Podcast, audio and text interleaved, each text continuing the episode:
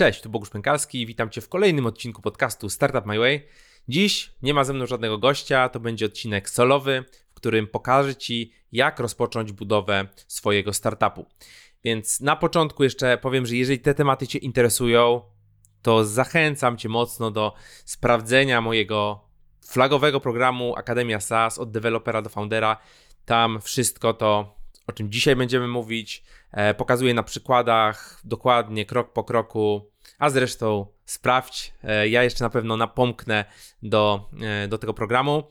A teraz już, już zaczynamy, więc na początek zróbmy pewne, pewne założenia, czym się w ogóle będziemy zajmować. Będziemy się zajmować startupami w rozumieniu startupów bootstrapowanych, tak? Bootstrapping to jest tworzenie aplikacji z własnych środków, nie, nie posługiwanie się pieniędzmi inwestorów, więc nie będziemy tutaj rozmawiali o ogromnych wycenach, wielkich, e, wielkich pieniądzach i kolejnych rundach finansowania. E, między innymi dlatego, że ja też nie mam doświadczenia w takim budowaniu aplikacji. Buduję wszystko zawsze z własnych środków. Jeszcze nie wiem, czy będę współpracował z inwestorami, czy aniołami biznesu gdzieś w przyszłych projektach. Może, tak, nie wykluczam tego. Natomiast tutaj na potrzeby tego dzisiejszego odcinka skupimy się na bootstrapowaniu, czyli budowy e, po prostu aplikacji, startupów własnymi umiejętnościami, własnymi pieniędzmi e, i rozwijanie tego w sposób, w jakiś sposób e, taki organiczny. E, no i kolejna, kolejna rzecz to ktoś musi ten produkt budować, więc ja byłem programistą przez, przez wiele lat, więc szczególnie e, znam tą perspektywę programisty, który po prostu jest w stanie zbudować coś, nawet po godzinach, czy przed pracą, czy po pracy. Ja tak budowałem swo swoje pierwsze produkty, e, dopóki nie udało mi się po prostu zbudować e, na tyle mm, zarabiających produktów, które pozwoliły mi odejść, odejść z etatu. E, więc najlepiej, jeżeli jesteś osobą techniczną. Dla osób nietechnicznych mam też na pewno kilka, e, kilka dróg. Część rzeczy jest oczywiście wspólna, czy jesteś osobą techniczną, czy jesteś osobą nietechniczną. E, przykładowo kwestia, nie wiem, pomysłu, czy, czy jakiejś wstępnej walidacji może to zrobić każdy. I nawet można się tutaj podzielić w taki sposób, że jest osoba techniczna, która buduje tylko produkt, a ta osoba nietechniczna buduje w zasadzie całą otoczkę, która na początku jest, e, jest bardzo, bardzo istotna. Tym jeszcze, tym jeszcze się zajmiemy. E, na pewno skupimy się tutaj na głównie na aplikacjach w modelu SaaSowym, czyli szczególnie chodzi mi tutaj o model, model monetyzacji. Gdzieś będziemy wprowadzać etap płacenia za naszą aplikację w formie subskrypcji, abonamentu, tak, na przykład 100 zł, 100 zł miesięcznie. Nie będziemy tutaj mm, konkretnie roz, rozpracow- rozpracować tematów typu e, biznesów typu marketplace, tak, gdzie mamy dwie strony, które musimy połączyć, zarabiać jakoś na prowizjach. To jest trudniejszy model, e, równie dobry i równie fajny, ale, ale dużo, dużo trudniejszy, więc na potrzeby tego, e, tego naszego dzisiejszego podcastu skupimy się na e, aplikacjach SaaSowych, takich abonamentowych, subskrypcyjnych. E, wiele, wiele rzeczy oczywiście będzie podobnych dla, czy dla marketplace'u, czy dla innych, innych rodzajów biznesu, natomiast e, tak jest łatwiej po prostu pomyśleć o tej monetyzacji i łatwiej jest po prostu zarabiać pierwsze pieniądze, a to o to nam, nam tak naprawdę chodzi. E, ok, e, pytanie, czy działać solo czy w zespole. W zasadzie już nasze założenia, założenia mamy gotowe, więc możemy przejść, możemy przejść dalej. E, w solo czy w zespole wiele osób mnie o to, o to pyta. Mm, na pewno, jeżeli jesteśmy solo founderem technicznym, jesteśmy w stanie być taką one-man army, czyli programistą, który buduje swoją, swoją aplikację, jakoś ją dystrybuuje, sprzedaje, dociera do, do, swoich, do swoich klientów. I naprawdę jest to bardzo, bardzo fajny model, szczególnie na początku, dlatego że nie jesteśmy od nikogo zależni. Już w przypadku dwóch osób, tak, jeżeli mamy jakiegoś co-foundera, no to każdy ma jakieś swoje życie. E, prawdopodobnie na początku ma też, ma też pracę, nie pracuje w 100% nad, nad aplikacją. Może mieć jakieś kwestie domowe, może mieć kwestie firmowe, różne rzeczy się dzieją, tak? Więc może na przykład zostać odłączony od projektu na jakiś czas, albo też wiadomo, że zawsze jedna osoba ma większą motywację e, od, od, od drugiej. e, rzadko się zdarza, że dwie osoby cisną tak samo, tak? Czasem jedna odpuszcza, czasem druga odpuszcza, są różne, różne tutaj zależności, więc ta ścieżka solowa, szczególnie jak jesteśmy programistą i mamy te umiejętności budowania aplikacji, czy jesteśmy w stanie nabyć te umiejętności, bo tak naprawdę wystarczy wejść do Google'a i wyszukać, jak zrobić stronę logowania, tak? Jak zrobić e, stronę, e, jakiś dashboard aplikacji, tak? I możemy krok po kroku, googlując, przechodząc jakieś tutoriale, budować tą aplikację bez e, większej znajomości takich technologii, czy webowych, czy, czy, czy, czy ogólnie nie, nie budowaliśmy nigdy aplikacji typowo, typowo sasowej, budowaliśmy jakieś, nie wiem, projekty nisko, niskopoziomowe, tak możemy się tego nauczyć. E, natomiast no właśnie, to co jest najważniejsze w tym modelu solo foundera to jest, to jest ta niezależność. Mamy wiele przykładów solo founderów, którzy odnieśli sukces. E, część z nich nawet się uczyła programować e, na, na bieżąco. Taką osobą jest na przykład Peter Levers, który słabo programował, no ale udało mu się osiągnąć duży, duży sukces. Z drugiej strony mamy podejście zespołowe. Czy to z drugą osobą. Tak ja budowałem wszystkie swoje aplikacje e, do dzisiaj. Poza pierwszą aplikacją, która tak naprawdę zakończyła się porażką, to kolejne aplikacje były budowane z co-founderami, e, Policja w chmurze, potem kolejne aplikacje, które dzisiaj nie, które dzisiaj nie rozwijam, no i teraz Mailinger, e, również robię to z drugim, z drugim, z drugą osobą, z co-founderem. To jest mm, opcja fajna, natomiast ciężko często znaleźć tego co-foundera. Y, mi się to udało dosyć, dosyć prosto. Mój pierwszy co-founder to była osoba e, z mojego, e, z mojej jednej z poprzednich firm, Czyli znałem tą osobę, znałem Krzyśka po prostu z pracy i, i rozpoczęliśmy współpracę. To było takie bardzo naturalne, tak? nikogo nie szukałem na siłę, on też nikogo nie szukał na siłę. E, natomiast w kolejnych projektach te osoby przyszły z mojej społeczności, między innymi właśnie z z mojego kursu, o którym wspominałem, tak, od dewelopera do foundera z Akademii SAS, e, nawiązałem współpracę z dwoma osobami, z dwoma po prostu kursantami, bo oni chcieli też budować coś swojego i budowaliśmy, budowaliśmy to dalej razem. E, Kolejną opcją jest oczywiście budowa większego zespołu, tak? ten znany model hustler, hipster i hacker, czyli osoba, która buduje rozwiązanie, ten hacker, osoba, która mm, hastluje, tak? opowiada, buduje e, jakiś baz wokół tego naszego rozwiązania, ten nasz hustler, no i hipster dba o to, żeby, żeby budować fajny UI, UX, użytkownik wchodzi, wie dokładnie jak się poruszać w aplikacji, co też jest niezwykle, niezwykle ważne tym się nie będziemy tak naprawdę zajmować, bo mm, no tutaj już albo dzielimy wtedy projekt na trzy osoby albo więcej, e, lub działamy z finansowaniem, gdzie możemy zbudować sobie ten zespół.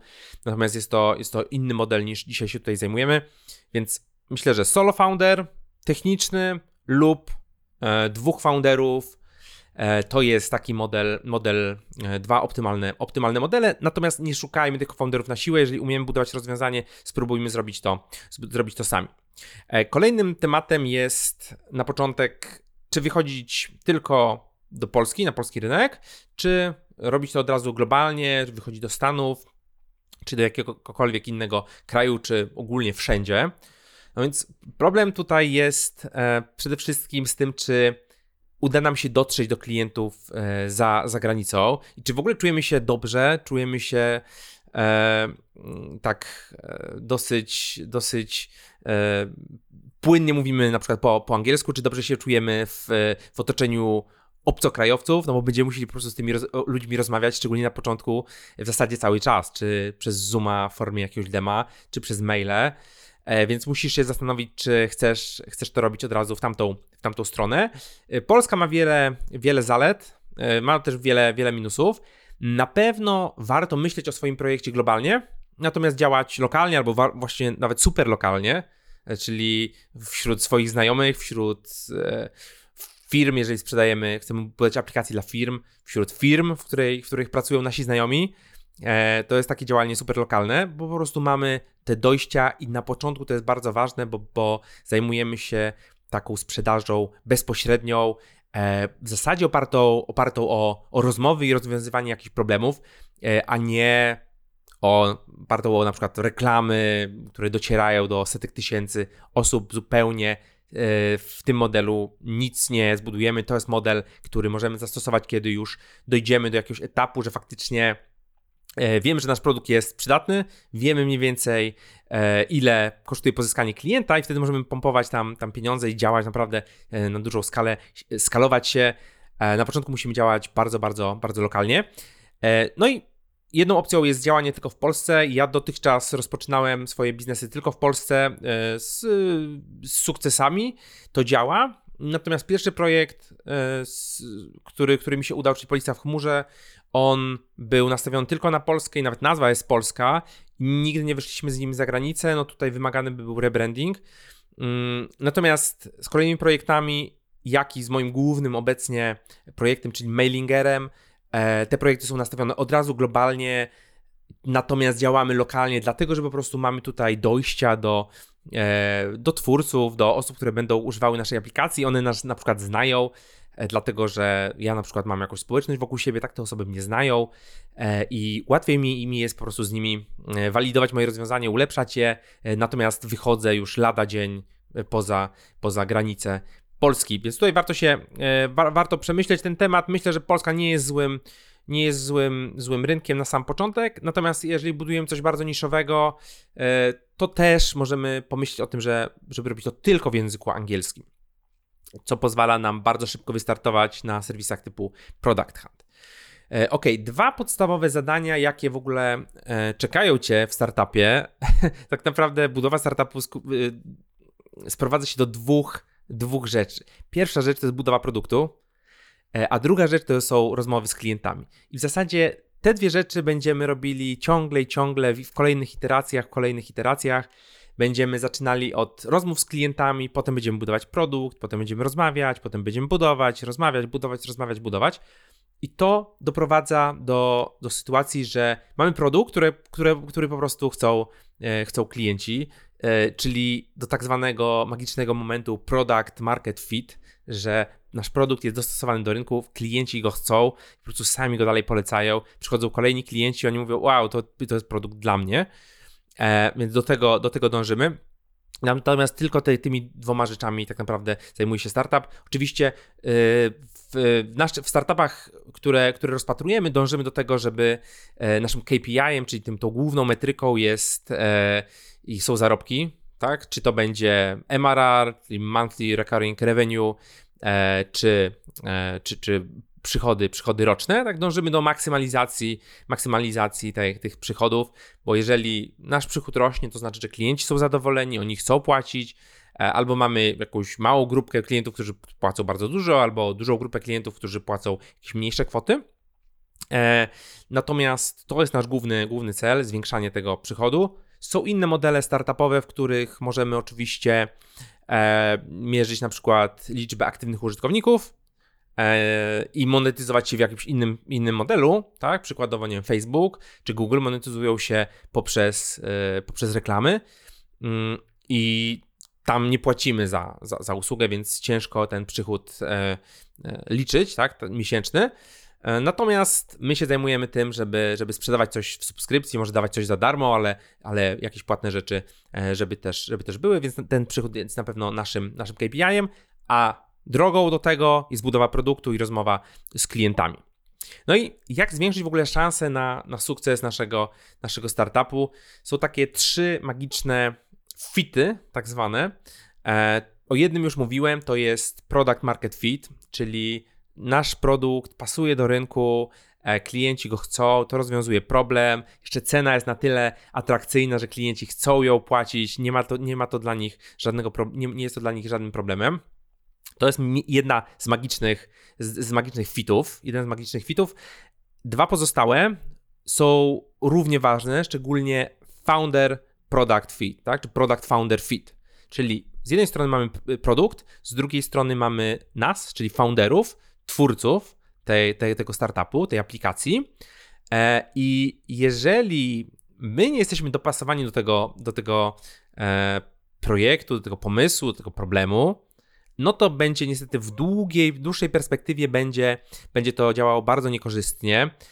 E, chodzi tutaj o to, że jeżeli budujemy produkt dla kogoś, kogo nie znamy, albo nie, niekoniecznie lubimy, czy niekoniecznie mm, w ogóle mamy pasję do tego problemu, do rozwiązywania tego problemu, e, to na dłuższą metę będzie nam bardzo trudno utrzymać entuzjazm, zaangażowanie, nie będziemy rozumieli tego problemu, nie będziemy rozumieli naszych klientów.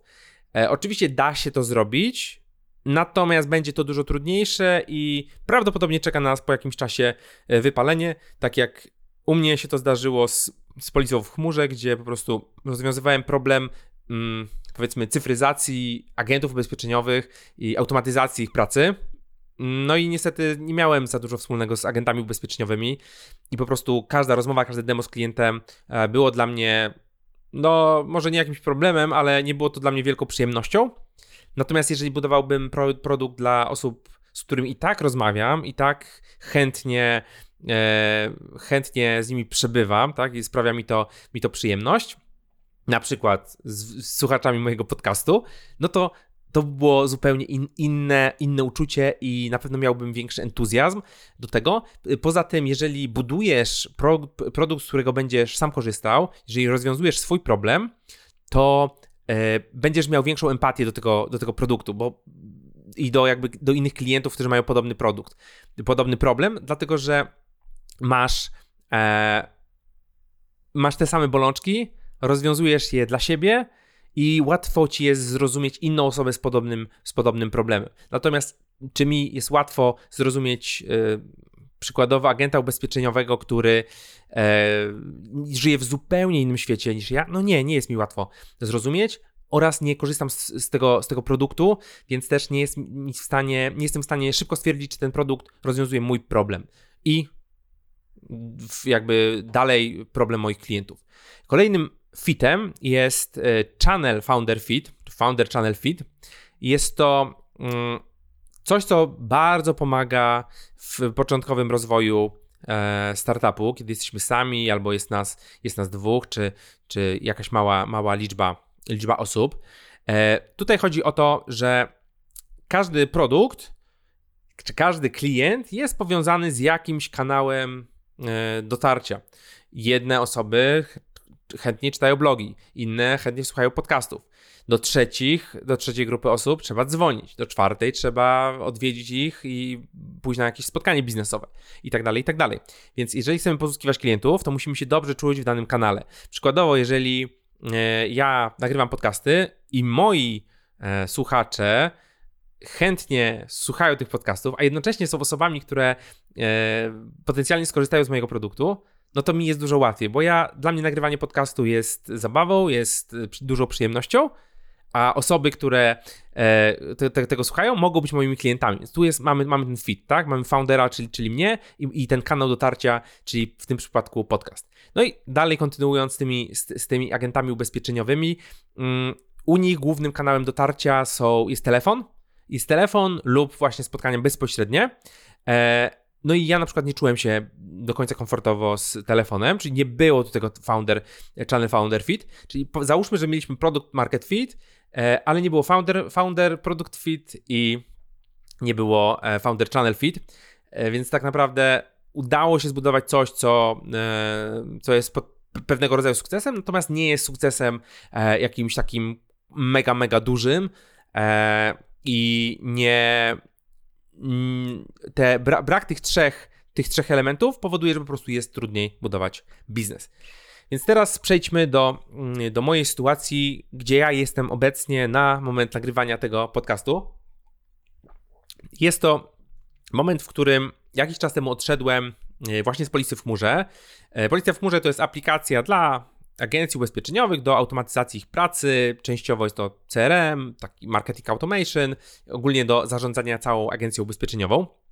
E, my to zbudowaliśmy po godzinach we dwóch, dwóch co-founderów.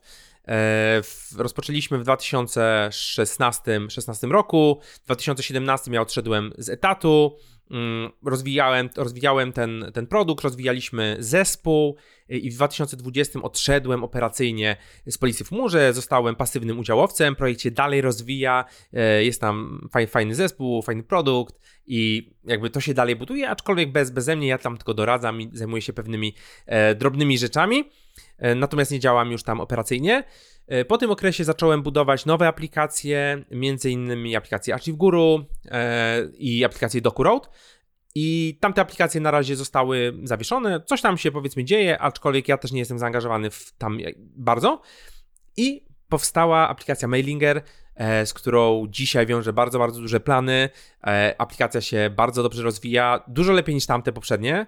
E, między innymi z tych wszystkich rzeczy, które, o, o których już mówiłem i o których jeszcze będę mówił w tym podcaście, czyli, czyli te fity mm, i pewne, pewne inne rzeczy, o których jeszcze, jeszcze zaraz powiem. Bardzo ciekawy jest pomysł w ogóle bardzo ciekawy jest moment, kiedy powstał Mailinger. E, był to, był to tak naprawdę e, moment, w którym nagrywałem drugą wersję mojego kursu Akademia SAS od dewelopera do foundera. Nagrywałem wersję 2.0 jak, jakiś czas temu i chciałem w tej wersji 2.0 pokazać od zera, jak na żywym organizmie po prostu buduję, buduję startup, po prostu gdzie klikam, co klikam, jak, jak wymyślam pomysł, jak kupuję domenę, jak stawiam pierwszego landing page'a, jak piszę do ludzi na social mediach. Wszystko to jest pokazane w lekcjach. I właśnie wymyśliłem pomysł mailingera. Wygenerowałem chyba z 10-15 pomysłów i wybrałem, wybrałem, ten jeden. I zacząłem go budować właśnie w ramach e, kursu. Ty też możesz jakby zobaczyć to całą drogę, bo pokazuję to wszystko e, w, w kursie. I okazało się, że te, te moje eksperymenty zadziałały na tyle dobrze, że ludzie zaczęli się tym interesować. Zaczęli e, pytać się, kiedy ten produkt będzie, będzie gotowy. Na początku nie chciałem go w ogóle implementować. I od, od słowa do czynu zaczęliśmy budować e, MVP, zaczęliśmy przechodzić ten cały proces, o którym będę mówił w tym odcinku. E, zaczęliśmy budować MVP, zaczęliśmy wpuszczać pierwsze, pierwsze osoby, zaczęliśmy generować ruch e, i tak, tak, naprawdę dzisiaj, dzisiaj mamy już szereg osób, twórców, które używają naszej aplikacji, kolejne przychodzą, także rozwija się to bardzo, bardzo fajnie. I tak naprawdę to, że to, to był pewien przypadek, że w ogóle ruszyliśmy z tym, z tym projektem i okazuje się, że działa dużo, dużo lepiej niż wszystkie inne projekty, które, które zaczynały. E, ok, dobra. I teraz mamy już moją sytuację, wiemy, wiemy, gdzie, wiemy, gdzie jestem, mm, więc zajmijmy się krok po kroku wszystkimi kluczowymi elementami w budowie startupu. Więc zaczynamy oczywiście od pomysłu. To, co jest bardzo ważne, to tak jak e, powiedziałem, przykład Mailingera, on powstał przypadkowo i wzbudził większe zainteresowanie niż wszystkie inne moje projekty, e, które na przykład o Archive Góry myślałem przez rok przed pierwszą linią, e, linią kodu, przed rozpoczęciem budowy produktu. I okazało się, że no nie do końca, że będzie bardzo trudno zbudować ten, ten produkt e, na dojść do momentu, w którym on faktycznie dużo znaczy na świecie. Natomiast z Mailingerem jest to, jest to dużo, dużo prostsze, po prostu dużo łatwiej to wszystko szło. To nawet czuć, tak? I w momencie, kiedy zaczynasz nowy projekt i nie do końca ci wychodzi e, pozyskiwanie klientów, rozmowy, jakoś to jest takie e, na siłę, to znaczy, że nie, nie jesteś jeszcze w, w, najlepszym miejscu. Musisz na pewno przejść tą drogę, żeby, żeby potem było lepiej. Natomiast kiedy idzie ci łatwiej niż zakładałeś, to znaczy, że coś, coś, w, tym, coś w tym jest. E, więc wiele pomysłów to produkty, e, produkty uboczne naszych obecnych działań. Przykładowo, no tak jak mówiłem, Mailinger, zacząłem nagrywać nową wersję kursu i sam wpad, wpadłem na pomysł tego Mailingera, zacząłem go robić i dopiero wtedy okazało się, że to, e, że to jest dobry pomysł, żeby, żeby za tym podążać. E, kolejnym przykładem jest na przykład Intercom, który powstał, mm, wielki, wielki startup, który powstał przypadkowo, dlatego że e, twórcy nie mieli jak się komunikować e, ze swoimi klientami, mieli jakiś software do, e, do, do obsługi błędów w projektach Ruby on Rails, z tego co pamiętam. I mieli klientów, kilka tysięcy klientów z różnych części świata, nie mieli się z nimi jak komunikować, więc zbudowali wewnętrzny tool do komunikacji.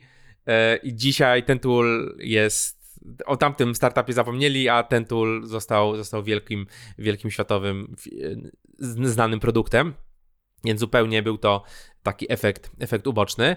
Więc to, co jest najważniejsze, to, to działać, bo po pierwsze musisz znać proces, Musisz przejść ten proces kilka razy, ten pomysł, walidacja, rozmowy z klientami e, i MVP i kolejne, kolejne etapy, żeby potem było łatwiej. Więc im szybciej przejdziesz ten proces, nawet na czymś, co wypuścisz jako małą darmową aplikację, albo na czymś, co w ogóle zdobędzie 10 użytkowników i, i tyle, to później będzie ci łatwiej, będziesz znał proces, będziesz mógł y, dokładać różne y, poprawki na różnych, różnych etapach.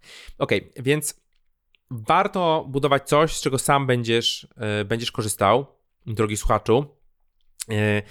Dlatego, że mamy tutaj ten founder, founder feed, tak? Founder product feed.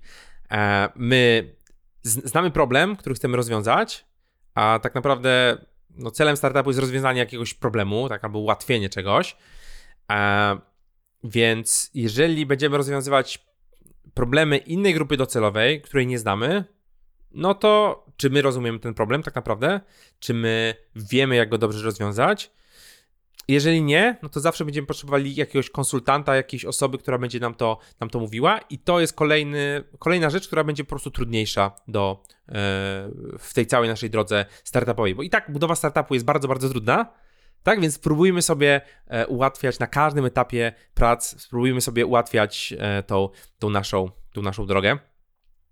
No i oczywiście, jeżeli sam korzystasz z projektu, to po pierwsze marketing jego jest prosty, bo Przykładowo, ja korzystam sam z Mailingera, e, mam postawiony tam mój klub SAS, płatny newsletter, społeczność i tak dalej, więc wszystko to stoi na Mailingerze i mogę pokazać, słuchajcie, zobaczcie, zbudowałem tutaj e, ten newsletter, e, płatny newsletter, obsługuję go przez Mailingera i to też jest aplikacja, z której wy możecie skorzystać, więc ja sam pokazuję jakiś swój inny produkt, a przez to pokazuję swoje, swoje narzędzie mówię, wy możecie być tak, tacy jak ja, możecie sprzedawać swoje płatne newslettery, możecie e, swoje płatne społeczności, czy dostęp do jakichś materiałów ustawić za paywallem i tutaj jest tool. Ja z niego korzystam, więc to znaczy, że działa. E, więc mamy, mamy walidację, walidację e, naszego projektu, naszego pomysłu. I mamy pierwszego klienta. Mamy pierwszego klienta. Często osoby pytają, jak zrobić pierwszego klienta na swoją aplikację. To jest niestety bardzo, bardzo e, takie kłopotliwe pytanie, bo jeżeli ty rozwiązujesz jakiś problem, bierzesz się za coś, e, chcesz ulepszyć, nie wiem, jakiś proces, czy rozwiązać jakąś, jakąś bolączkę czyjąś, no to ty powinieneś znać tą osobę najlepiej osobiście, która ma ten problem, tak? Nie rozwiązujmy e, problemów ludzi, których w ogóle, z którymi nie mamy nic wspólnego, tak? I po zbudowaniu rozwiązania szukamy dopiero pierwszego klienta. To jest ewidentny, ewidentny błąd. E, ok, więc na pewno jest lepiej budować coś małego, czyli żeby ten nasz pomysł był mały, specyficzny dla konkretnej niszy, niż żeby był od razu dla wszystkich. Bo pamiętajmy, że możemy rozszerzać, e, rozszerzać zakres naszego rozwiązania do różnych nisz, różnych grup. Ostatecznie może być dla wszystkich, tak? Ale zacznijmy bardzo specyficznie. Przykładowo, lepiej zadziała aplikacja do postowania na Twitterze dla programistów, którzy chcą zbudować zasięg pierwszy, i pierwszych, zdobyć pierwszych, pierwszy tysiąc obserwujących. Tak? Czyli mamy bardzo, bardzo zawężony, zawężony e, ten nasz scope aplikacji. Po pierwsze, e, do postowania w jakimś konkretnym social media na Twitterze. Po drugie, dla programistów, czyli powiedzmy, możemy mieć jakieś opcje, nie wiem, wklejania kawałków kodu w naszym narzędziu i one będą ładnie formatowane i wklejane jako screen do, e, do, do, do tweeta tak? Więc możemy tutaj pomyśleć, co może ułatwić programistom to, to robić. No i trzecia rzecz, że chcemy im pomóc zdobyć tysiąc pierwszych obserwujących. Więc przykładowo, jeżeli, jeżeli jesteśmy programistą wiem, jakiegoś konkretnego języka, e, tak, C Sharp, no to przykładowo w naszej aplikacji możemy mieć jakąś łatwą wyszukiwarkę ciekawych e, wiem, problemów w danym, w danym języku, która gdzieś tam się będzie z Stack Overflow na przykład komunikowała i dawała nam pomysły na tweety. E, tak? No i jeżeli jesteśmy programistą, który chce wejść na Twittera, chce zdobyć globalny following e, tysiąc osób, no to dla nas będzie no-brainer, żeby wejść w taką aplikację, a nie użyć na przykład aplikacji wiem, Buffer czy Hootsuite, które, które też pozwalają postować na, na Twitterze, no ale one nie są dla nas, dla programistów, którzy chcą budować pierwsze tysiąc, tysiąc osób, więc ta konkretyzacja, e, niszowanie, specyficzność, no i też tak pewna oryginalność, tak? Ten pomysł, ja wymyśliłem go 5, 5 minut temu na potrzeby tego, tego podcastu, ale już dzisiaj wydaje mi się on ciekawy, tak? I ja bym może skorzystał z tego, z tego projektu, dlatego że po prostu jest, jest oryginalny, czegoś takiego, czegoś takiego nie ma. To jest też ważne właśnie, żeby budować tą, tą oryginalność, że może to może być coś małego, niszowego, specyficznego, ale jeżeli będziemy faktycznie oryginalni, to ludzie do nas przyjdą, bo lubią e, nowe, ciekawe, ciekawe rzeczy. E, kolejną rzeczą jest e, kwestia obniżenia progu bólu. To tyczy się szczególnie osób technicznych, więc my mamy wysoki, wysoki próg bólu, to znaczy, że jeżeli musimy zrobić kilka operacji, jakoś je połączyć, nie wiem, postawić na jakiś serwer, coś skonfigurować, coś zrobić, to my mamy szereg narzędzi, e, którymi możemy, możemy to, to wykonać e, i możemy stwierdzić, po co ja mam płacić, nie wiem, 29 dolarów za narzędzie, które postawi mi serwer i zainstaluje tam e, jakieś, jakieś oprogramowanie, kiedy ja mogę to zrobić sam albo napisać jakiś skrypt, który mi to zautomatyzuje. Okazuje się, że ludzie płacą za takie proste automatyzacje, bo im się tego nie chce robić, albo nie umieją tego robić. Oni mają po prostu niższy próg bólu. Tak, dla nich bólem jest szukanie, jak zainstalować jakąś tam bibliotekę gdzieś. I oni wolą zapłacić 29 dolarów, żeby to było zrobione za nich. I naprawdę takich produktów są tysiące i one mają tysiące, dziesiątki tysięcy klientów. Eee, przykładem tutaj był, była aplikacja bodajże Forge, która no właśnie, właśnie to robiła na jakimś tam Digital Ocean, instalowała wszystko, co jest potrzebne do postawienia serwera e, PHP e, i tak naprawdę można to zrobić samemu, a okazało się, że tysiące klientów płacą za to, żeby to się robiło automatycznie. Więc obniżcie próg bólu, wyłączcie programistyczny mózg i zastanówcie się, co możecie e, jakie na przykład automatyzacje możecie zbudować, z których inne osoby mogą, mogą skorzystać. Kolejną rzeczą je, są kopalnie pomysłów. To są moje ulubione ćwiczenia, które, które wykonuję, jeżeli chcę wygenerować jakieś nowe pomysły. E, po prostu patrzę, co ludzie, ludzie budują. Jeżeli zobaczę, co ludzie budują, to jestem w stanie, moja głowa jest w stanie skompilować te różne rzeczy, przełożyć je na, na przykład polski rynek, albo inną niszę, albo inne social media, tak? Tak jak mówiłem przykładowo o tej aplikacji do Twittera, możemy zrobić coś takiego na Instagrama, tak? E, więc na przykład serwis Indie Hackers, jeden z moich ulubionych takich serwisów dla bootstraperów, e, jest, jest tam taka zakładka Products i w, pro, w, w produktach możemy zobaczyć setki, tysiące, nie wiem, tam chyba z 10 tysięcy tych produktów jest już dodanych. Produktów właśnie aplikacji software'owych, gdzie founderzy dodają E, je do takiego katalogu i dzielą się postępami z, z, to, z, tymi, z tymi aplikacjami. naprawdę możemy scrollować, czytać, co oni budują i naprawdę otwierają nam się klapki, klapki w głowie. Potem nas, nasz mózg to mieli i wypluwamy fajne, fajne pomysły. Dlatego, że tak naprawdę nasza, nasze myśli, to nie jest nic oryginalnego, to jest jakaś kompilacja tego, co usłyszeliśmy wcześniej, zobaczyliśmy wcześniej, e, coś nam przeczytaliśmy wcześniej, obejrzeliśmy, coś nam się ułożyło w głowie, coś się połączyło. Więc im więcej będziemy mieli takich stymulacji kreatywnych, tym lepsze pomysły będziemy generować. I też możemy zobaczyć akurat na Indie Hackers, e, jakie wyniki osiągają dane, dane pro, produkty. Niektóre z nich są połączone bezpośrednio ze Stripe'em. Możemy zobaczyć, że dany founder zarabia 10 tysięcy dolarów miesięcznie z tego konkretnego produktu i jeszcze często jest jego historia, jak, jak to zrobił. Więc kopalnie pomysłów to jest na pewno fajna, fajna rzecz. Inno, inną kopalnią pomysłów jest Product Hunt, gdzie founderzy startują odpalają swoje, e, swoje produkty, pokazują je światu, ludzie je upvotują, tak, polecają i tak dalej. Możemy skorzystać z tego produktu, zobaczyć e, z czym to się je.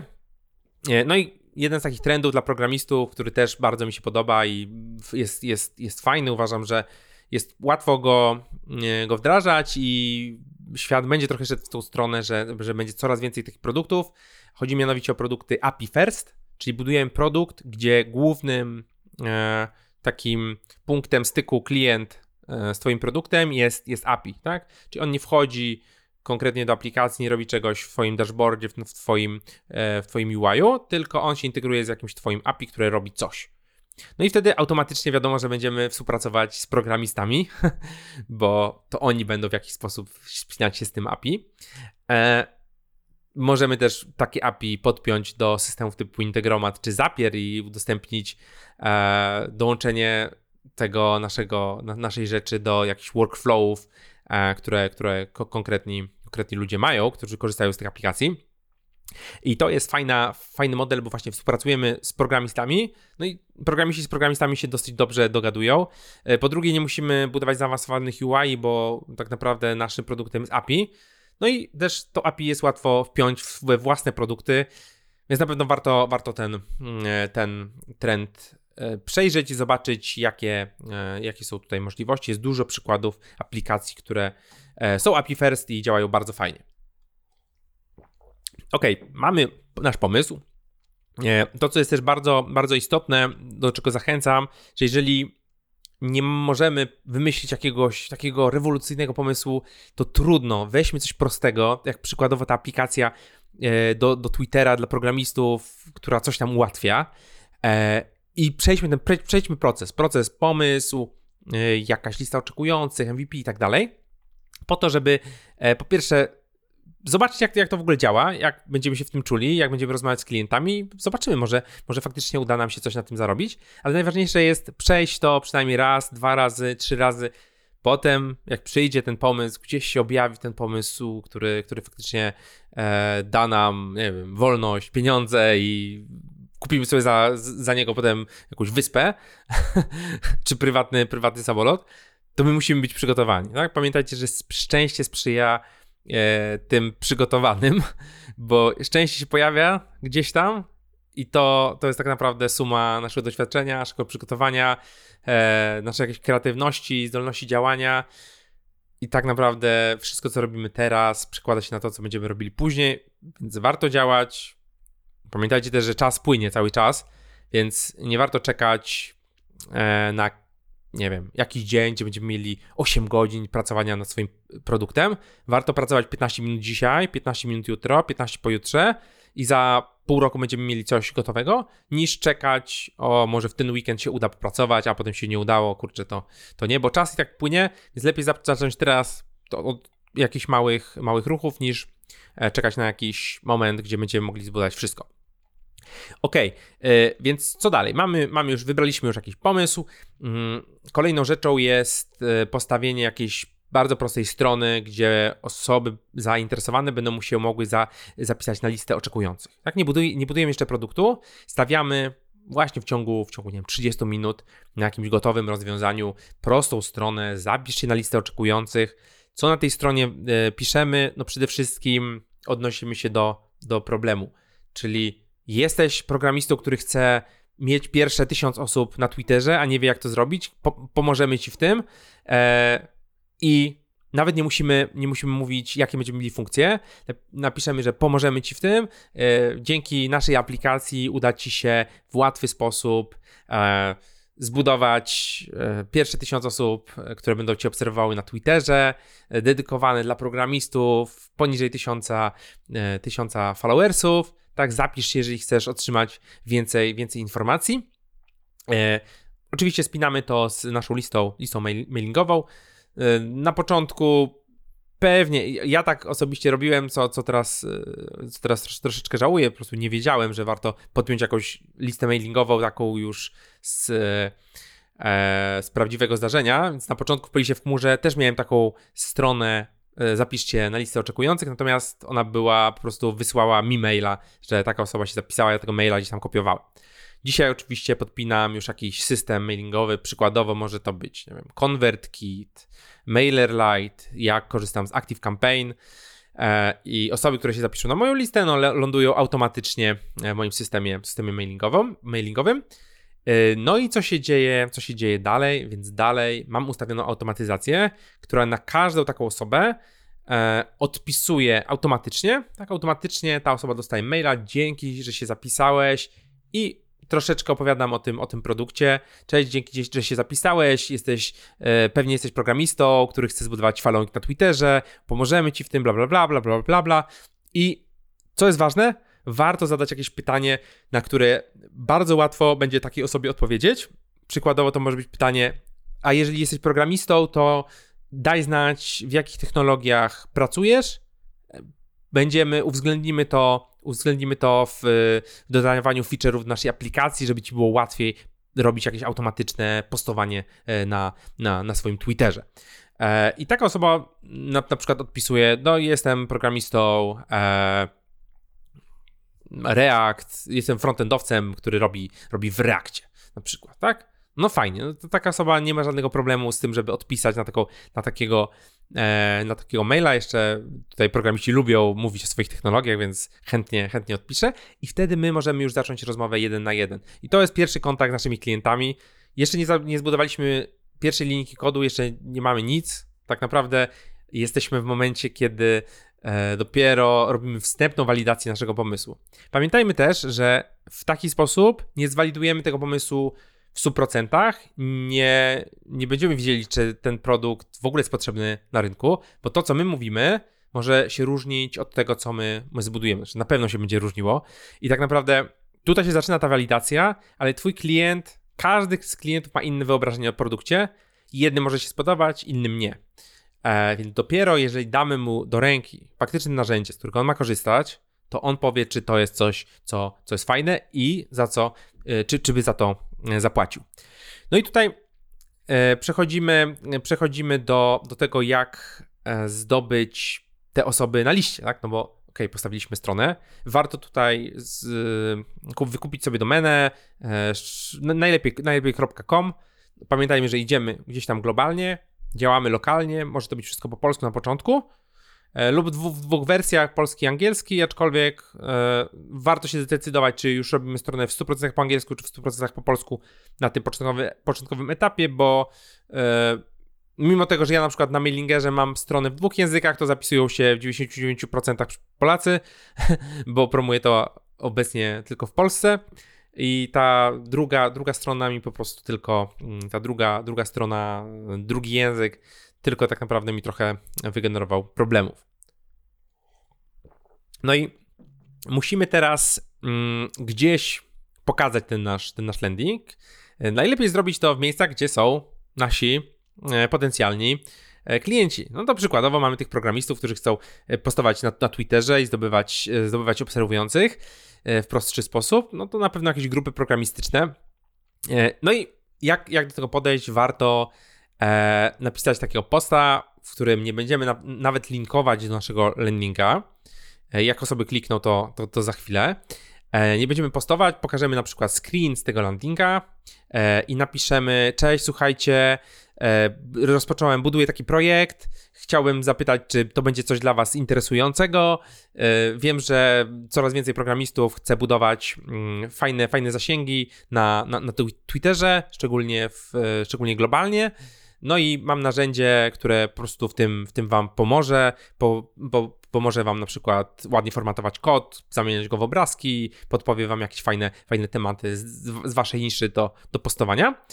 I dajcie znać, czy to coś dla Was interesującego. No i wrzucamy jakiegoś screena, nie wrzucamy w ogóle żadnego linka i osoby, które są zainteresowane piszą, o fajny, fajny pomysł. Y, ja tam mam, nie wiem, 500 osób na Twitterze, ale, ale ciężko mi zdobyć kolejnych. Chciałbym, chciałbym wiedzieć, jak, jak to zrobić, jakieś, chciałbym mieć jakieś narzędzie, które mi, które mi w tym pomoże. E, I do osób, które odpiszą i będą zainteresowane, możemy po prostu e, w komentarzu napisać, dobra, super, no to jak chcesz dalsze informacje, to zapisz się tu i tu, tak? Bo wtedy po pierwsze generujemy jakiś ruch, jakiś feedback, no i dopiero wrzucamy tego linka gdzieś, jak dana osoba się zainteresuje i ona prawdopodobnie wtedy kliknie i zostawi tego maila, potem dostanie tą odpowiedź od nas i być może odpisze na tego maila i zaczniemy z nią mailowanie jeden na jeden i to będzie nasz pierwszy potencjalny klient, czy pierwsza grupa potencjalnych klientów. Tak, tak, tak i to działa i to jest takie proste. Dobra, więc tutaj generujemy pierwsze rozmowy z klientami, możemy ich dopytać, co by chcieli, e, jaki, mają, jaki mają problem. Pamiętajcie, że warto słuchać problemów, bolączek, niż konkretnych e, rozwiązań, które proponują klienci. Może w przypadku programistów to będzie troszeczkę inaczej, natomiast większość, e, większość klientów nie do końca wie, co by chciała. Tak? Jak jest słynne powiedzenie, że jeżeli E, jeżeli ludzie przed powstaniem pierwszego samochodu, jeżeli byś pytał ludzi, co by chcieli, to oni by chcieli szybszego konia, nikt nie wpadliby na to, że, że chcą, chcą samochodu. Tak naprawdę to do nas, tych founderów, innowatorów należy e, to, ten obowiązek pchania świata do przodu i wymyślania tych lepszych sposobów rozwiązywania problemów. Nie do naszych klientów. Oni nam mogą powiedzieć, po pierwsze, czy jaki mają problem, z czym się borykają, a po drugie, czy to, co im daliśmy, rozwiązuje ich problem. Tak? To są te dwie rzeczy, a w środku jesteśmy my. E, w środku my musimy trochę pogłówkować. Dobra, no i teraz zaczyna się prawdziwa walidacja, czyli, czyli MVP. Co to jest MVP? MVP to jest skrót od Minimum Viable Product, czyli tak naprawdę to jest pierwszy produkt, który dajesz pierwszym użytkownikom do, e, do skorzystania. Tak? I tutaj ważne jest to, że to jest pierwsza wersja produktu i że to są pierwsi użytkownicy. Czyli nie będziesz budował tego dla wszystkich, tylko będziesz to budował dla jednego, dwóch, pięciu użytkowników. Tych pierwszych, którzy wybaczają najwięcej, są w stanie jak najwięcej. E, są, są w stanie wybaczyć te bugi, są w stanie e, pokazać ci, gdzie one są, jeszcze będą z tego, z tego zadowoleni, dlatego że tak naprawdę pomagają ci na tym wczesnym etapie, etapie rozwoju. No i tutaj zaczyna, zaczynają się takie, takie dwie szkoły. Mamy rozjazd na, na dwie szkoły. Pierwsza to jest zbuduj cokolwiek. E, to może być totalnie crappy, w ogóle może się, może być beznadziejne, ale wypuść to. No i to jest droga, która, która jest ok, na pewno na samym początku, dlatego że inaczej będziesz się stopował i nie będziesz wypuszczał tego, tego pierwszego produktu. E, drugą szkołą jest wypuszczenie produktu, który prostego produktu, minimalnego, ale w którym zakochają się klienci od razu, czyli będzie miał ładny UX, UI, e, będzie fajnie rozwiązywał ten problem, nie będzie miał podstawowych bugów. To jest jak najbardziej fajne, tak? Natomiast jak będziesz wypuszczał pierwszy, drugi projekt, to może cię to spowolnić, a prawdopodobnie zatrzyma twoje pracę na początku, więc to zostawiam troszkę dość bardziej doświadczonym founderom, którzy znają już ten proces, bo jak znają proces, no to są w stanie dopracować szybciej yy, to MVP i szybciej wypuścić lepszy produkt yy, na światło dzienne. Więc ja bym Cię zachęcał do tego, żeby wypuścić coś jak najszybciej. E, ok. No i tutaj zaczyna się tak naprawdę prawdziwa walidacja. Klienci wyobrażają sobie ten produkt zupełnie inaczej, albo w ogóle sobie nie wyobrażają, mówią, że super, super rozwiązanie, jak opowiadasz o tym, natomiast potem wchodzą i mówią, e, nie, nie, to jednak myślałem, że to coś innego będzie, tak? Więc nie zwalidujesz, jeżeli nic nie zbudujesz, nie dasz użytkownikom do, e, do rąk. Pytanie, czy w ogóle warto budować ten MVP? W którym momencie warto budować MVP? Mm, po pierwsze, duże zainteresowanie naszym produktem, tak? Wrzuciliśmy na te grupy programistyczne i ludzie piszą, kurczę, fajnie, fajnie, fajna opcja, chcę, chcę coś takiego mieć. E, zapisują się na tą listę, jeszcze odpisują na, na tego twojego automatycznego maila. To jest na pewno dobry znak. Druga rzecz, idzie lepiej niż zakładałeś. Czyli zakładałeś, że nikt się nie zainteresuje, a pięć osób się zainteresowało. E, to jest druga, mm, druga rzecz. No i rozumiesz ten problem. Rozumiesz problem e, i ty na przykład chcesz sam skorzystać z tego, z tego rozwiązania, więc ty będziesz przecierał szlak dla tych innych ludzi, budował rozwiązanie e, i tak naprawdę e, rozumiesz, gdzie leży wartość.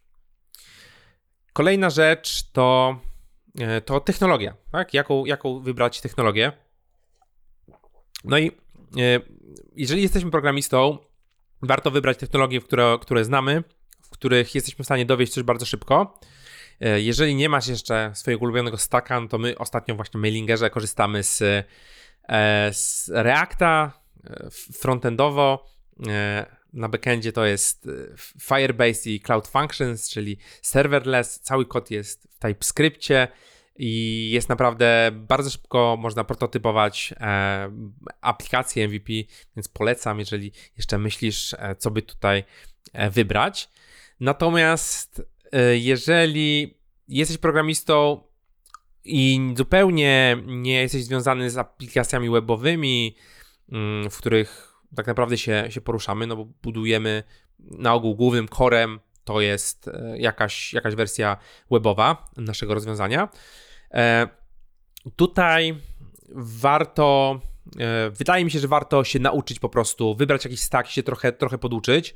E, tak właśnie też sugeruje na przykład Peter, Peter Levels, czy osoby, które zaczęły budować, budować aplikacje i nawet nie umieją programować, bo w innym, w innym wypadku, no co nam pozostaje? Tak naprawdę pozostaje nam, e, to samo się tyczy osób nietechnicznych, tak? Albo szukanie technicznego co-foundera, no ale jeżeli my jesteśmy też technicznym co-founderem, ale nie znamy tych technologii, no to myślę, że warto się po prostu ich nauczyć. E, dobranie, użycie narzędzi, użycie narzędzi no-codowych, lub low-codowych, co jest ok, Natomiast też jest jakiś próg wejścia, ja osobiście nie mam doświadczenia. Bawiłem się trochę z rozwiązaniami typu Bubble, e, czy mamy wyjaśnione na przykład od dewelopera do foundera krok po kroku, jak robić aplikacje mobilne na Flutterflow i tak dalej. Mm, natomiast jest jakiś próg wejścia, tak? Trzeba się tego, trzeba się tego nauczyć. E, można to stestować, natomiast prędzej czy później i tak będziesz potrzebował wersji codebase'owej z kodem. No i ostatnia, ostatnia, ostatnia rzecz, czyli po prostu siadamy i uczymy się tego, tych frameworków webowych, co, co w sumie tutaj sugeruję. E, ok, kolejna rzecz, która jest istotna w MVP, to jest szybki start. Przede wszystkim niech to będą tygodnie, a nie miesiące. Nie poświęcajmy miesięcy na budowę pierwszego, podstawowego, najprostszej, najprostszej wersji aplikacji. Niech to będą maksymalnie tygodnie. E, to ma być bardzo ograniczona wersja. E, tak naprawdę MVP to jest baza do kolejnych iteracji. Przy czym nie myślmy tutaj o tym, że ta baza musi być idealna, bo na tej bazie powstanie produkt, z którego będą korzystały setki tysięcy użytkowników. Prawdopodobnie nie, więc skupmy się na tym, żeby to działało dla 10 użytkowników czy 100 użytkowników, co w zasadzie każda, każda wersja, mm, cokolwiek zrobimy, to powinno, powinno dla tych kilku użytkowników działać.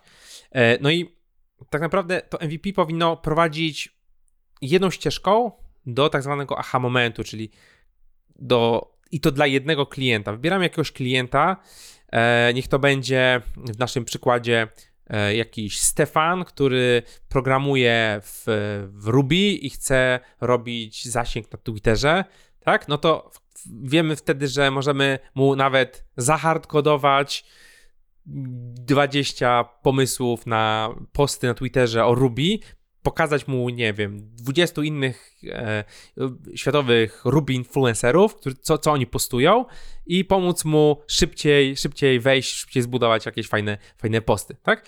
No i widzicie, tu jest taka ścieżka do tego aha momentu. E, nie wiemy, jak to, jak to będzie działało w skali, jak wejdzie 10 innych języków programowania, ale dla tego jednego użytkownika to będzie, będzie naprawdę fajna, fajna rzecz i on wejdzie i powie, aha, kurczę, faktycznie, no udało mi się zdobyć 10 nowych followersów, bo puściłem to, puściłem tamto, tu mi się udało jakiś kodzik wrzucić, tutaj coś, tu miałem przykłady.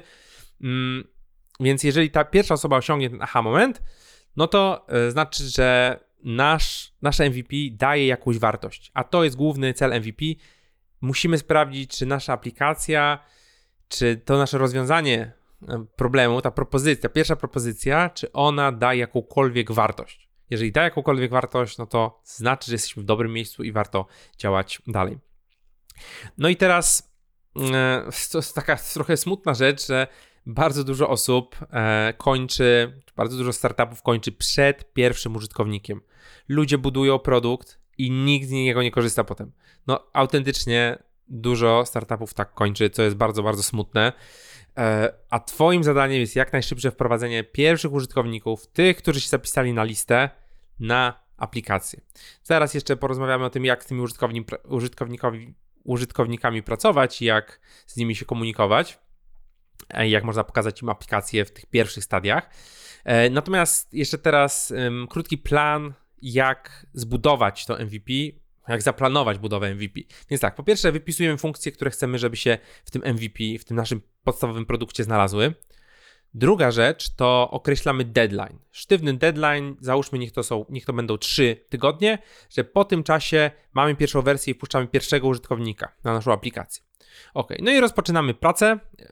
Przepraszam, jeszcze jed, jeden punkt, czyli e, wybranie funkcji z tego kroku pierwszego, gdzie napisaliśmy, co ma być w MVP, wybranie funkcji, które faktycznie w tym czasie do tego deadline'u, do tych trzech tygodni się uda zrobić. No i punkt czwarty, zaczynamy pracę i tak w połowie tego okresu, czyli po półtora tygodnia, przykładowo e, patrzymy, czy tam się udało zrobić dwie rzeczy z dziesięciu, no to prawdopodobnie nam się uda jeszcze jeszcze dwie rzeczy zrobić, czyli musimy sześć wyrzucić. Chodzi o to, żeby nie przesuwać tego deadline'u, tylko obcinać rzeczy z aplikacji. Obetnijmy tak dużo, żeby udało nam się przed tym deadline'em e, skończyć i mieć tą pierwszą, pierwszą wersję. Ok, teraz przechodzimy do, e, do pracy z użytkownikami, czyli mamy już na tym etapie e, pierwszą wersję produktu. No i co możemy, co możemy teraz zrobić? No, ja zrobiłem to w taki sposób, że najpierw przeszedłem proces, oscreenowałem go, tak? Zrobiłem screeny z każdego elementu tego naszego procesu w mailingerze proces był bardzo, bardzo prosty. E, wchodzimy do aplikacji, e, integrujemy z konto Stripe, integrujemy system mailingowy, wtedy to był jeden system mailingowy Active Campaign, integrujemy system fakturowy, wtedy to był jeden system fakturownia, dlatego że ja po prostu korzystałem z tych rzeczy i dostajemy, e, dodajemy produkt, czyli ten mail, płatny mailing, ustalamy cenę i dostajemy link do koszyka. Koniec, tak? To było całe, całe MVP i tak naprawdę zrobiłem screeny z tych wszystkich rzeczy, tak? No i oczywiście koszyk, który, w którym można kupić produkt i ta osoba gdzieś tam się dodaje do naszej listy mailowej e, płatnego newslettera. E, zrobiłem screeny i po prostu wrzuciłem je na Google Drive 1, 2, 3, 4, 5, 6, tam było z 15 screenów i zacząłem je, je, gdzieś tam postować. Ktoś pytał, jak to wygląda w praktyce, pokazywałem mu te screeny. Tak, jeszcze nie wpuszczaliśmy nikogo na, na aplikację, ale pokazywaliśmy screeny, bo część rzeczy nie działała, część rzeczy jeszcze była gdzieś poukrywana, ale, ale już jakby można było to pokazać. Drugim krokiem było nagranie, nagranie wideo. E, tutaj jeszcze ja zgrałem się z, ze szkołą płatnego newslettera, z tym, z tym e, programem. Znaczy, mój projekt Mailinger zgrał się ze szkołą płatnego newslettera, e, którego twórcą jest Mirek Burnejko, którego serdecznie pozdrawiam. Zresztą mamy wspólny podcast Biznes Dziś na innym kanale, też polecam sobie sprawdzić. E, I tam na webinarze szkoły płatnego newslettera Mirek też pokazał nasze narzędzie, co dało nam pik tych osób zapisanych na listę, listę oczekujących. E, I potem w ramach jego szkoły ja nagrałem demo z mojej aplikacji, jak krok po kroku ten mailing, płatny mailing sobie tam skonfigurować u nas, żeby to było proste, łatwe i przyjemne. E, I dzięki temu to demo, które, które nagrałem, najpierw właśnie pokazałem w formie screenów, potem pokazałem w formie, formie wideo i to demo potem wysyłałem do użytkowników, którzy czekają na liście oczekujących i jeszcze nie wiedzą, jak, jak to wszystko działa, e, jeszcze nie mogą się zarejestrować, ale mogą zobaczyć, jak to, jak to działa w praktyce. Kolejną, kolejnym etapem wdrożenia klientów były dema 1 na 1, więc zacząłem zapraszać ludzi do spotkań na Zoomie 1 na 1, mm, tych najbardziej chętnych i pokazywałem po prostu narzędzie, konfigurowaliśmy ich mailing na żywo e, i od razu dostawałem masę pomysłów, masę feedbacku, widziałem na, na żywo, że coś nie działa, e, więc to, to działa bardzo fajnie, taki onboarding w formie, formie dema 1 na 1. No i kolejną, kolejną opcją był oczywiście dostęp do aplikacji, do tak zwanej zamkniętej, zamkniętej wersji beta, gdzie jeszcze wchodzimy na główną stronę, mam listę oczekujących, natomiast później, e, jeżeli ktoś chce, może dostać, dostać wersję e, do, do testowania, po prostu link, specjalny link.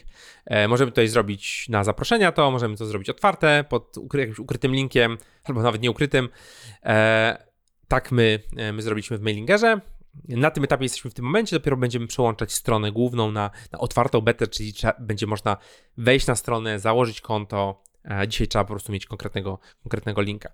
No i kolejnym krokiem jest oczywiście budowa produktu, bo tak jak mówiliśmy na początku, budowa startupu to budowa produktu, rozmowy z, z, użytkownikami, budowa produktu, rozmowy z użytkownikami, a wszystko po to, żeby budować e, po pierwsze drogę do product market fit, czyli iteracyjnie poprawiać produkt tak, żeby klienci go chcieli i żeby to był no-brainer dla nich, że korzystają z tego produktu i nie mają problemu z zapłaceniem konkretnej kwoty. E, no i, no i my właśnie w tym, w, w tym momencie, w tym momencie jesteśmy i kolejną rzeczą jest oczywiście ulepszanie, ulepszanie produktu, tak? Czyli budowa produktu rozmowy, no i ulepszamy produkt, ulepszamy produkt e, na podstawie jakiejś naszej, naszej roadmapy. Warto mieć taką roadmapę rozpisaną. No i na podstawie tego, co po prostu użytkownicy e, potrzebują, tak? Więc u nas, w naszym przypadku, to były na pewno na, na początku kolejne rozszerzenia, więc część ludzi miała Active Campaign, to ok, e, jako system mailowy, natomiast trzeba było wdrożyć MailChimp, ConvertKit, MailerLite, GetResponse i tak dalej to było rozwijanie produktu, rozszerzanie tak naprawdę. Wdrażaliśmy też w kolejne integracje z fakturami e, i firma e, i, i, i, i, tak dalej. Jeszcze kolejne, kolejne w drodze. No i rozszerzaliśmy różne funkcje, funkcje w aplikacji i oczywiście informowaliśmy na bieżąco naszą listę mailową, naszą listę oczekujących, że są nowe funkcje, są nowe, nowe opcje. Ja również dzieliłem się cały czas informacjami o, e, o rozwoju aplikacji, czy to na Instagramie, czy na Facebooku, czy z zainteresowanymi osobami. Więc cały czas organicznie też przychodziły nowe osoby na listę oczekujących i przechodziły ten nasz cały, cały proces, dostawały tylko maila, e, kontaktowały się ze mną, ja im dawałem linki, pokazywałem im, e, im różne, różne sposoby e, działania z aplikacją i sposoby zarabiania e, dzięki naszej aplikacji. E, ok, tak. No i jeszcze jedna, jedna z ciekawych rzeczy, które, którą możemy wykorzystać na samym początku budowy startupu, to testowanie UI UX, tak? Czyli UI User Interface, UX User Experience, czyli to nasze odczucie użytkowników, którzy wchodzą i pierwszy, pierwszy raz czy kolejny raz e, współpracują z aplikacją, klikają i przechodzą na dane ścieżki, które dla nich ustaliliśmy. Jak to fajnie przetestować? Możemy się połączyć na przykład na Zoomie albo najlepiej na żywo, ale ciężko to dzisiaj, dzisiaj zrobić, jak mamy klientów rozsianych po Polsce czy po świecie. Połączyć się na jakimś komunikatorze, klient udostępnia nam swój ekran, dostaje linka do aplikacji i on ma przejść wszystkie kroki, tak? Nic mu nie podpowiadamy, zaczynamy, yy, po prostu my patrzymy, a on ma się zarejestrować, przejść naszą, naszą ścieżkę, dojść do jakichś tam momentów i może się okazać, że na naszej stronie on nie będzie potrafił się zarejestrować na przykład, tak? Bardzo to jest, bardzo to jest e, ciekawe, ciekawe doświadczenie, dosyć bolesne, bo my wiemy dokładnie, gdzie kliknąć, a klient nie wie i się zastanawia dwie minuty, gdzie kliknąć, to może być lekki taki ból. Natomiast to pozwoli nam odkryć podstawowe błędy, takie UX-owe e, w, naszej, w naszym rozwiązaniu. E, no i tutaj jest jeden taki przykład, gdzie founderzy chcieli skrócić formularz rejestracji, zostawili tak naprawdę tylko e, e-mail i hasło. Tak, że podajesz tylko e-mail i hasło i jesteś zarejestrowany. I ludzie nie potrafili na takim UI, UX teście nie potrafili się zarejestrować, dlatego że domyślnie myśleli, że dwa pola to jest formularz logowania. Nie wiedzieli, że e, po prostu tak został zbudowany formularz rejestracji. Kiedy zostało dodane trzecie pole, na przykład imię, to już nie było, nie było problemu. Więc takie małe rzeczy możemy wyłapać właśnie w takich UI testach. Mm, ok. E, kolejnym etapem e, jest ustalenie cennika i pierwsze płatności. Mamy już ludzi, którzy korzystają z aplikacji. No jeżeli aplikacja nie rozwiązuje ich problemu i oni weszli raz i potem kolejny raz już nie korzystają, to znaczy coś jest nie tak z naszą aplikacją albo problem nie jest na tyle palący, że, że w ogóle jest wart, e, wart rozwiązywania. Natomiast jeżeli korzystają z naszej aplikacji, no to jest czas, żeby wprowadzić jakiś, jakiś cennik. Cennik jest to rzecz płynna, ona się będzie zmieniać. Testowanie cennika to są naprawdę miesiące czy lata pracy. Część startupów jeszcze dzisiaj nie doszła do dobrych cenników, a mają przychody liczone w milionach. Więc to jest coś, to jest proces. Cennik, który ustalić na początku, nie jest tak naprawdę istotny. Natomiast istotną rzeczą jest pozycjonowanie Twojego produktu na rynku. I tutaj chodzi, jest to powiązane niejako z cenami, natomiast chodzi tu o, o pewne e, zakresy. Czyli załóżmy, musisz zdecydować, czy Twój produkt jest produktem za na przykład 20-50 zł, czy jest za 200-500 zł miesięcznie, czy za 2000-5000 zł miesięcznie, tak? Czyli czy jest tani, czy jest średni, czy jest, czy jest drogi. E, to nie ma znaczenia, czy to jest 20 zł, czy 29 zł, czy to jest 99 zł, czy to jest 7999. Chodzi o na początku spozycjonujmy się gdzieś w tych trzech strefach. Ja na przykład mailingera pozycjonuję w tej, tej drugiej strefie 200-500, mimo tego, że podstawowe plany będą się zaczynały od 99 zł, to e, na pewno, e, jeżeli osoba będzie miała 100 płacących klientów e, na swoim, swoim płatnym mailingu, czy membershipie, czy, płatnej bazy wiedzy, bazie wiedzy u nas, no to ona będzie zarabiała z tych osób przynajmniej kilka tysięcy miesięcznie, jak nie kilkadziesiąt tysięcy, no to spokojnie ten produkt może być w granicach 200-500 zł miesięcznie, bo dla niego nie będzie to e, problemem. No i jeżeli ustalimy już to pozycjonowanie, wyznaczmy jakieś, jakieś ceny i skontaktujmy się z tymi early adopterami, osobami, które korzystają z naszego produktu, e, na razie za darmo, podziękujmy im za wkład, za rozwój, no i poinformujmy, że od na przykład kolejnego miesiąca za aplikację trzeba będzie płacić, czy może będzie darmowa w jakiejś wersji, ale e, za to, co oni robią, to trzeba będzie zapłacić, ale że oni są pierwsi, no to damy im coś ekstra, tak? Na przykład zwiększymy im jakieś limity, możemy dać im jakiś, jakiś rabat, chociaż rabaty podobno są, są odradzane, natomiast no ja jestem za tym, żeby tym pierwszym użytkownikom dać jakiś rabat, dać coś ekstra, e, żeby po prostu poczuli się, poczuli się tutaj docenieni. No i tak naprawdę, czy potrzebujemy system billingowy, naliczania tych wszystkich płatności, automatyzacji, wysłania faktury i tak dalej na początku? No nie, możemy wygenerować fakturę proforma, czy podać numer konta do przelewu i podać temu klientowi, czy wysłać tą proformę, poprosić o płatę i wystawić mu fakturę e, ręcznie, wysłać mu to ręcznie. Naprawdę na początku do pierwszych pieniędzy, czy pierwszych, nie wiem, 10 klientów, spokojnie możemy to zrobić, zrobić ręcznie. Oczywiście, jak mamy doświadczenie, czy system billingowy, który wpinamy e, w aplikację w ciągu jednego wieczoru, no to pewnie fajnie, fajnie to zrobić. Natomiast na początku pamiętajcie, że szybciej dostaniecie feedback, jak napiszecie klientowi, dobrze, to który plan pan wybiera i na jaki okres, i proszę opłacić fa- fa- proformy na, na ten numer konta, tak? Dostaniecie feedback, że e, no nie, jednak nie chcę. A jak dacie mu link do strony płatności, to może on kliknie, może nie kliknie, może odpowie, może nie odpowie. Więc warto e, robić, to, robić to ręcznie na samym początku. No i dalszym krokiem jest oczywiście dalsze ulepszanie produktu, dalsze rozma- rozmawianie z klientami, no i pozyskiwanie nowych, nowych klientów. No i tutaj na początku bardzo zachęcam do E, do działania jeden na jeden w modelu. Robimy listę klientów, którzy, naszych potencjalnych klientów, tak? Dodajemy w jakimś Excelu, Google Spreadsheetie i po prostu kontaktujemy się z każdym bezpośrednio. Mówimy prosto z mostu, że chcemy najlepiej poprosić o feedback, tak? Czyli słuchaj, wiem, że jesteś programistą, który e, potencjalnie może, może myślisz o tym, żeby budować following na Twitterze, bo masz na przykład bloga, ale go nie promujesz, bla bla bla bla, mam takie super narzędzie, twój feedback byłby nieoceniony, naprawdę zapraszamy, zapraszam grupę programistów, którzy, którzy skorzystają z ekskluzywnej naszej wersji beta i dojdą do tych tysiąca obserwujących na Twitterze dzięki naszej aplikacji. E, I Dzięki temu zbudujemy sobie bazę tych pierwszych klientów. Potem możemy te osoby zaprosić na demo, jeżeli będą chętne, jeden na jeden. I naprawdę zbudujemy relacje, a tak naprawdę każdy biznes to jest nie B2B czy B2C, e, tylko H2H, czyli human to human. Tak naprawdę robimy biznes z ludźmi, a najlepiej robimy biznes z ludźmi, których, e, których lubimy, więc budujmy te relacje od początku. I tak naprawdę jesteś w stanie zdobyć pierwszych 100 płacących klientów spokojnie.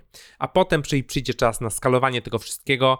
No i oczywiście e, wiele, wiele e, metod e, pozyskiwania ruchu, takich jak tworzenie treści, tak, content marketing, e, jakieś płatne, e, płatne kanały, płatne reklamy, płatne kampanie, współpracę z influencerami, jakieś dodatkowe aplikacje, na przykład darmowe, które budują nam ruch, e, praca na grupach, budowanie własnych grup, własnych społeczności, budowanie edukacji, kursów online wokół tego, e, budowanie e, współpracy z influencerami i masę, masę innych kanałów pozyskiwania, pozyskiwania klientów, backlinki, SEO i tak dalej. Natomiast to jest już, już temat na, na kolejny podcast.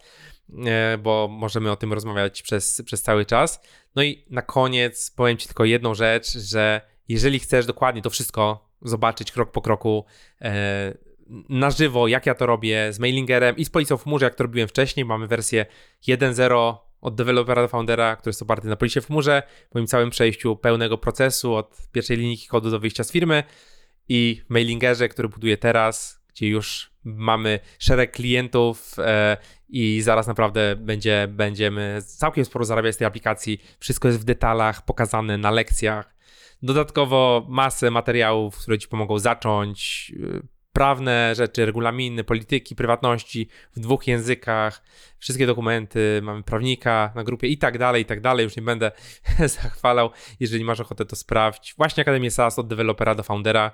E, bardzo mocno polecam, jeżeli ten temat Cię interesuje, a myślę, że warto, bo e, ja osobiście uważam to ten mo moment przejścia. Na początku było faktycznie trochę trudno, ale uważam to za najlepszą decyzję w moim życiu, e, która totalnie odmieniła mój, e, mój, mój świat i, i, moją pracę. I dzięki temu mogę się też dzielić z Wami tą całą moją drogą, co jest, co jest dla mnie niezwykle, e, niezwykle też satysfakcjonujące. Więc dzięki to tyle na, e, w tym odcinku. Jeżeli masz jakieś pytania, to E, tutaj na dole w komentarzach możesz je zadać. E, jeżeli słuchasz podcastu, to wejdź na kanał Startup My Way na YouTubie, znajdź to wideo i też skomunikuj się ze mną gdzieś tam w komentarzach. Bardzo chętnie odpowiem na Wasze pytania i dzięki, zapraszam do kolejnego odcinka. Dzięki za wszystko, do usłyszenia.